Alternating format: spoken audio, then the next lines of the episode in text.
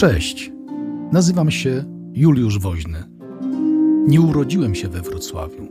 Ja to miasto świadomie wybrałem. Mogę Wam o nim opowiedzieć.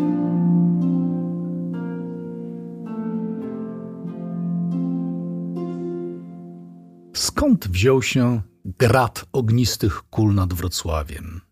Grad zjawisko meteorologiczne. I faktycznie wszystko zaczęło się od obfitych opadów deszczu. Opadów, które pojawiły się nad równinami Mongolii. W latach 1211-1225 lało tam niemal bez przerwy. Stepy zazieleniły się tak, jak nigdy wcześniej i nigdy później. Stada bydła zaczęły się mnożyć jak nigdy dotąd. Jedzenia było dużo, jak nigdy dotąd. Liczba ludności imperium Chingis Hana wzrosła tak, że możliwy był podbój prawie całej Azji i sporej części Europy. Za dwadzieścia lat na wschodnich rubieżach chrześcijaństwa zapanuje groza i rozpacz, jakiej nie znały wcześniejsze pokolenia. Wrocław spłonie niemal doszczętnie. Na niebie nad miastem zapłoną ogniste kule. A wszystko zaczęło się od deszczu, który padał sobie jakby nigdy nic na mongolskie jurty i pastwiska prawie 8 tysięcy kilometrów stąd. Tymczasem w Europie nikt się jeszcze niczego nie spodziewa. Między rokiem 1175 a 1180 przychodzi na świat chłopiec imieniem Czesław. Wcześniej to imię miało formę Czcisław, czyli ktoś, kto czci sławę, dba o dobre imię. W przypadku tego chłopca imię faktycznie okazało się wróżbą. Jak to mówią, nomen omen. Urodził się w Kamieniu Śląskim, był ponoć bratem świętego Jacka. Obaj pochodzili z rodu Odrowążów. Z tego samego rodu pochodzili też Iwo oraz Jan Prandota. Obaj byli biskupami krakowskimi, oczywiście w różnych okresach.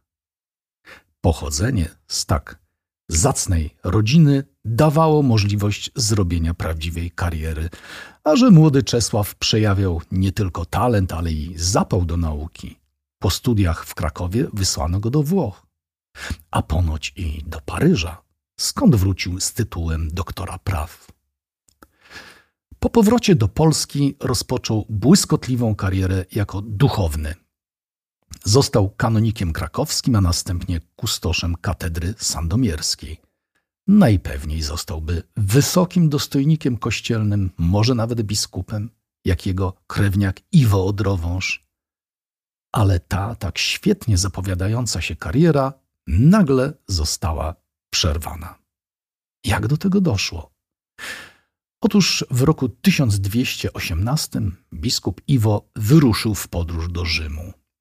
Zabrał ze sobą obu braci Jacka i Czesława. Pielgrzymował do grobów apostołów, ale miał też przedstawić papieżowi Honoriuszowi III sprawozdanie ze stanu swojej diecezji. Nic zatem dziwnego, że chciał mieć w orszaku mężów wykształconych i bywałych w świecie. W trakcie rzymskiej wizyty dochodzi do zaskakującej sytuacji. Oto Jacek i Czesław, faceci poważni, już w wieku dojrzałym, przechodzą przełom duchowy. Rezygnują z karier w strukturach kościelnych i postanawiają zostać prostymi mnichami. Co takiego się stało? Otóż podczas wizyty w Rzymie poznali świętego Dominika. Ponoć byli świadkami wskrzeszenia młodzieńca, który zabił się spadając z konia. Święty Dominik był osobą wyjątkową. Podobno jego matka Joanna, będąc z nim w ciąży, miała sen.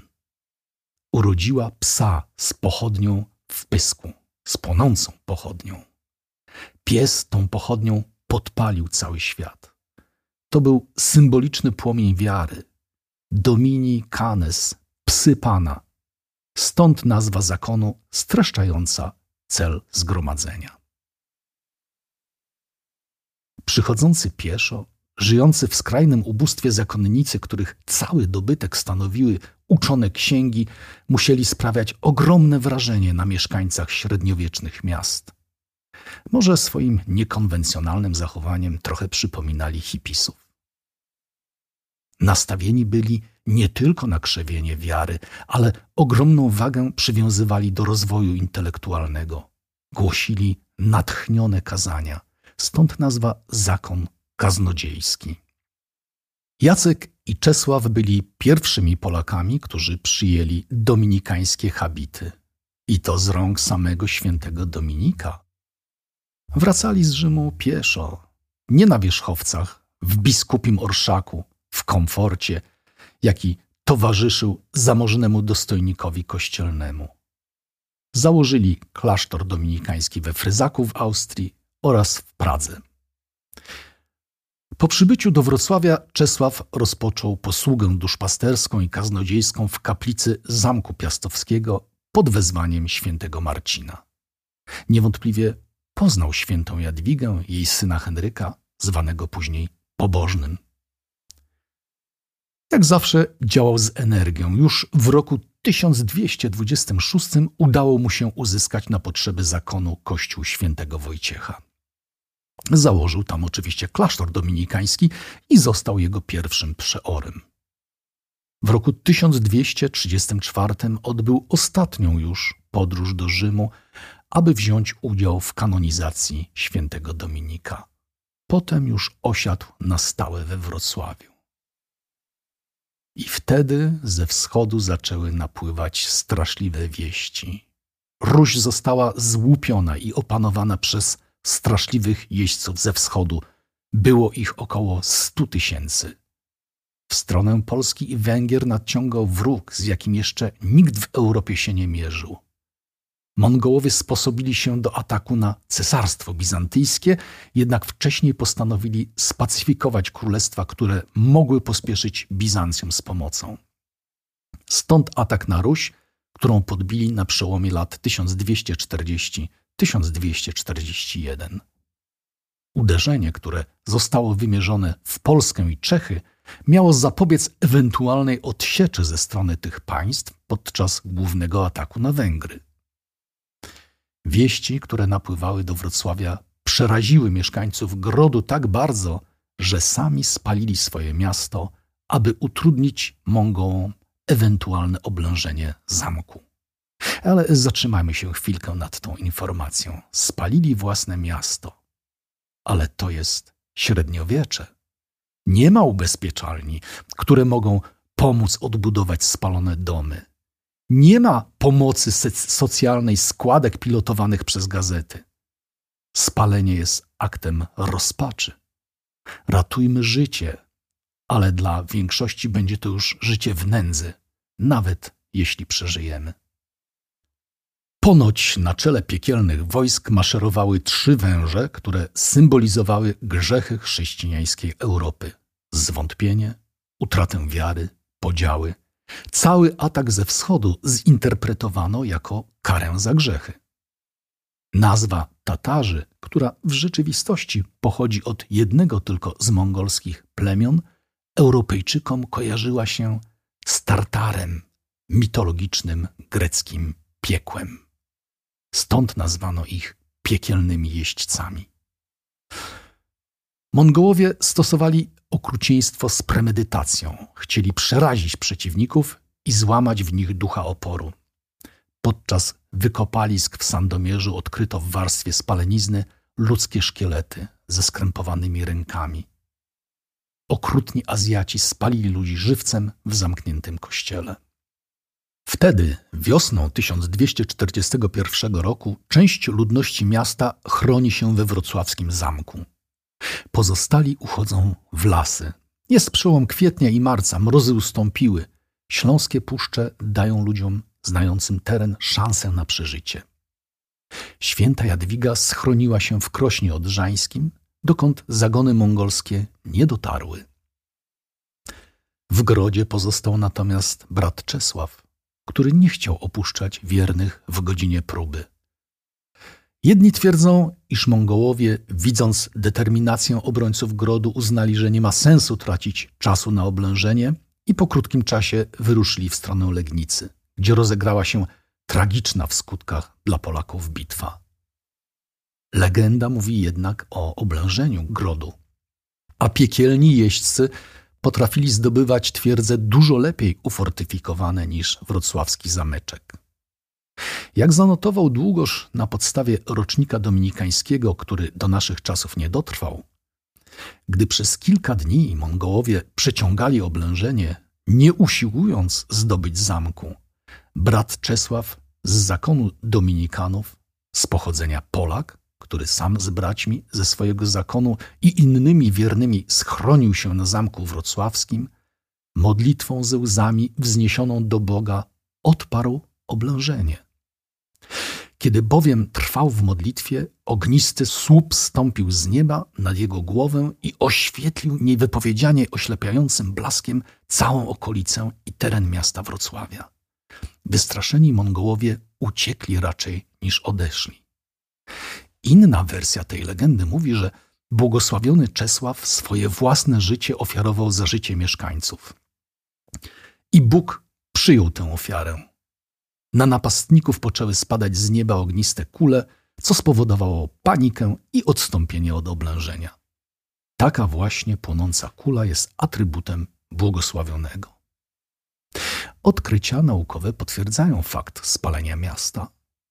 Podczas archeologicznych wykopalisk na placu Nowy Targ odkryto warstwę spalenizny wiekowo odpowiadającą opisywanym wydarzeniom.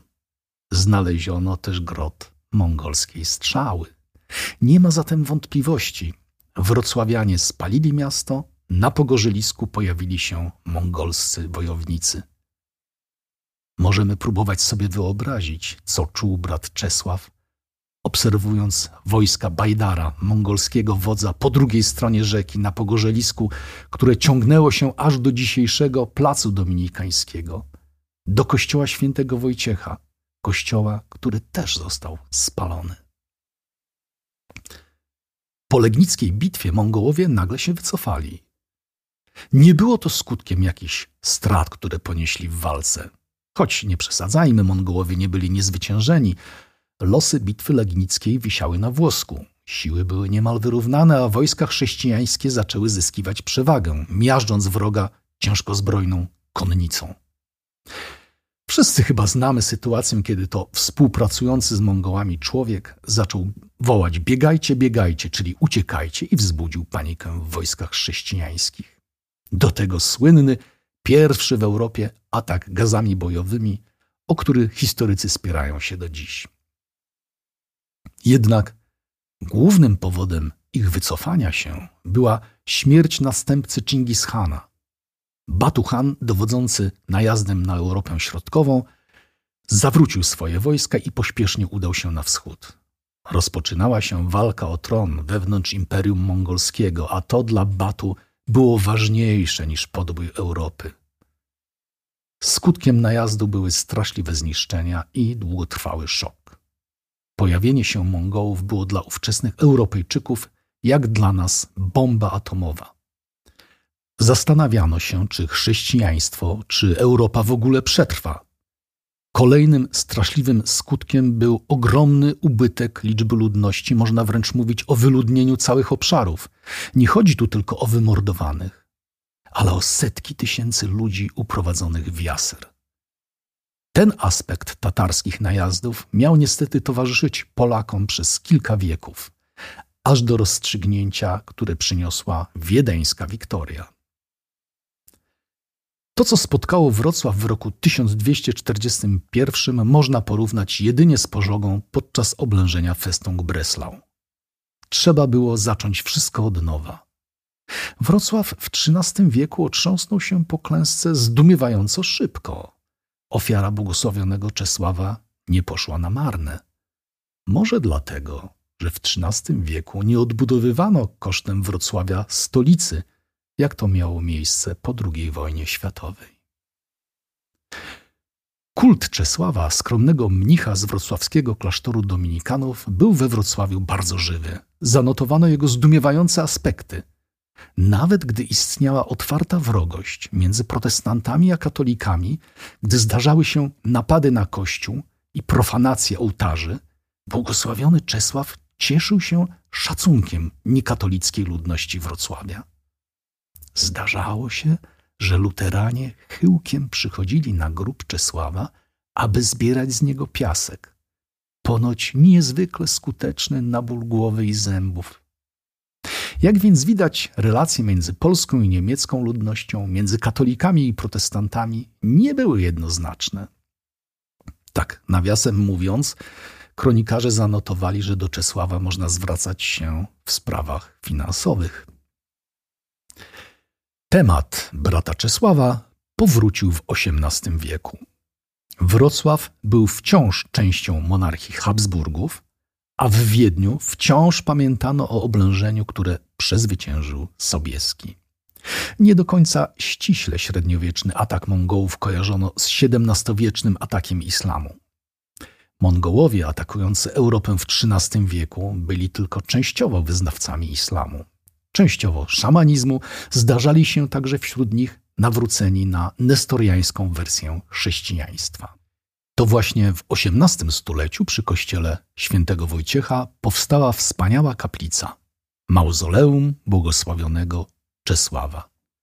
Fundatorami byli śląscy katolicy, arystokracja, dominikanie, biskup wrocławski, książę elektor Franciszek Ludwik von Neuburg oraz syn Jana III Sobieskiego. Prace budowlane prowadził mistrz murarski Benedykt Miller, nie znamy natomiast nazwiska architekta. Dziełem Johanna Franza de Bakera, przybysza z Antwerpii, są dwa wielkie obrazy na ścianach kaplicy. Jeden przedstawia nawrócenie księcia mongolskiego na chrześcijaństwo, oczywiście pod wpływem błogosławionego Czesława, drugi wskrzeszenie przez Czesława utopionego dziecka i tu, uwaga, uwaga, pojawia się właśnie nazwisko Sobieski. Chodzi o syna naszego zwycięzcy spod Wiednia. Konstanty Sobieski mieszkał we Wrocławiu. Był aktywny jako mecenas sztuki. Ufundował cztery statuetki z kości słoniowej autorstwa samego Gianlorenza Berniniego, najlepszego włoskiego rzeźbiarza doby baroku oraz obraz w niebowzięcia, dar papieża dla rodu Sobieskich e, podarował go katedrze wrocławskiej. On też zapłacił za obraz z Czesławowej kaplicy. Jeżeli bacznie przyjrzymy się malowidłu, tam na dole odszukamy herb Sobieskich, a więc herb polskiego króla w kaplicy poświęconej polskiemu zakonnikowi w XVIII-wiecznym Wrocławiu. Malarz Jakub Eibelwieser pokrył wnętrze sanktuarium fryskami Budowa i dekorowanie kaplicy trwały kilkanaście lat do roku 1730. Znakomity wystrój rzeźbiarski, marmur, proszę Państwa, to dzieło wybornego świdnickiego rzeźbiarza Jerzego Leonarda Webera, a stiukowa dekoracja przedsionka jest autorstwa e, Józefa Mangolta. Kiedy pojedziemy do Częstochowy, to w Bazylice, obok kaplicy obrazu jasnogórskiego, zobaczymy rzeźby właśnie Mangolta. Poświęcenia kaplicy dokonał 15 lipca 1730 roku sufragan wrocławski biskup Elias Daniel von Sommerfeld, a uroczystości, które się wtedy odbyły, należały do najokazalszych w barokowym Wrocławiu.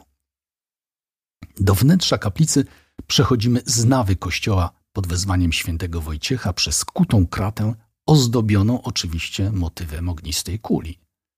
Trafiamy do niskiego przedsionka i stamtąd przez szeroką arkadę widzimy całe wnętrze kaplicy. W centralnym punkcie wnętrza na ołtarzu widnieje alabastrowy sarkofag błogosławionego Czesława. Biel alabastru kontrastuje z ciemnymi marmurami pokrywającymi ściany. Ale zerknijmy jeszcze na przedsionek. Tu mamy odniesienia do misji dominikańskich, które obejmowały cztery znane wówczas kontynenty. Na prawo od wejścia rzeźby Indianina i Murzyna, symbolizujące Amerykę i Afrykę. Na lewo personifikacja Europy i Azji. Pod arkadą prowadzącą do centrum kaplicy zobaczymy rzeźby. Po lewej stronie święty Dominik z psem trzymającym pochodnię w pysku, wiemy o co chodzi, a po prawej święty Jacek Odrowąż, brat Czesława. Po środku, jak wspomniałem, znajduje się ołtarz z ustawionym nań alabastrowym sarkofagiem. Ściany kamiennej trumny pokrywają rzeźbione sceny z życia błogosławionego, taki barokowy komiks. Ołtarz opiera się na czterech rzeźbach. Jest tam między innymi alegoria siedmiu grzechów głównych. Głowa mężczyzny symbolizuje pychę, głowa strusia chciwość, no, głowa śmiejącej się kobiety nieczystość, głowa smoka zazdrość, głowa małpy łakomstwo, głowa barana gniew, głowa kozła lenistwo. Ale skąd siedem grzechów głównych przy grobie mnicha, który takim pokusom nie ulegał? Wszystko wyjaśnia napis na banderoli. Extirpator viciorum, niszczyciel występków. Ten niszczyciel występków to właśnie błogosławiony Czesław. Jest tam jeszcze kilka nie mniej interesujących rzeźb, ale pomiędzy tymi rzeźbami znalazły się także wizerunki cnót kardynalnych, męstwa, sprawiedliwości, wstrzemięźliwości i roztropności. Nad ołtarzem klęczący anioł łamie półksiężyc. Jest to symbol zwycięstwa nad islamem, z którego wyznawcami utożsamiani byli wówczas Mongołowie. Powyżej w niszy figura błogosławionego adorująca krucyfiks, a w kopule zobaczymy błogosławionego Czesława wkraczającego triumfalnie do nieba. Ciekawa jest także krypta pod kaplicą, ale nie każdy może tam wejść. No, ja byłem. Pochowano tam dwie księżniczki wirtembersko-oleśnickie. Były konwertytkami, przeszły z protestantyzmu na katolicyzm, dlatego nie było dla nich miejsca w rodzinnych grobowcach. Ich miejscem spoczynku jest krypta przy dominikańskim kościele świętego Wojciecha. Były to Jadwiga i Eleonora Charlotta. Księżniczki spoczywają na postumentach obok, na podłodze krypty, skromnie, w niedawno odnowionej trumnie leży dominikanin Ceslaus Szmal, Czesław, imiennik naszego błogosławionego. To on zbierał fundusze na wspaniałą budowlę, a potem kierował pracami budowlanymi. Niewątpliwie zasłużył sobie na to, żeby spoczywać w krypcie pod kaplicą. W dobie baroku we Wrocławiu powstało wiele kaplic. Niektóre trzymają światowy poziom, a mauzoleum błogosławionego Czesława należy do najciekawszych. Warto wejść do cichego wnętrza kaplicy na chwilę skupienia, modlitwy, a może i refleksji, wspomnienia o cichym, skromnym zakonniku, który od roku 1963 jest oficjalnym patronem Wrocławia. Pamiętajmy, że okolice Placu Dominikańskiego były niemal całkowicie zniszczone podczas oblężenia Festung Breslau. Zniszczony w znacznym stopniu był także kościół. Kaplica pozostała nietknięta. Czyżby jeszcze jeden cud błogosławionego Czesława? Kościół Dominikanów mieści jeszcze jeden ciekawy obiekt, czasem udostępniany zwiedzającym. W roku 2006 zespół naukowców przystąpił do badania czaszki wrocławskiego dominikanina. Stwierdzono, na jakie choroby cierpiał, jaka była jego dieta. Udało się nawet odtworzyć kolor oczu, włosów, tonację karnacji. Czesław zmarł mając około 60-65 lat, jak na standardy średniowiecza, był zatem w sędziwym wieku. Pochodzący z małej miejscowości, w młodości prawdopodobnie cierpiał głód. Możliwe, że działo się to na przednówku, kiedy na wsi po zimie kończą się zapasy. Jeśli chodzi o dolegliwości zdrowotne, to miał również paradentozę, która w wiekach średnich była powszechną przypadłością. Na podstawie badań odtworzono wygląd twarzy Czesława. Dziś możemy spojrzeć w oblicze dobrotliwego mnicha, który niegdyś uratował nasze miasto.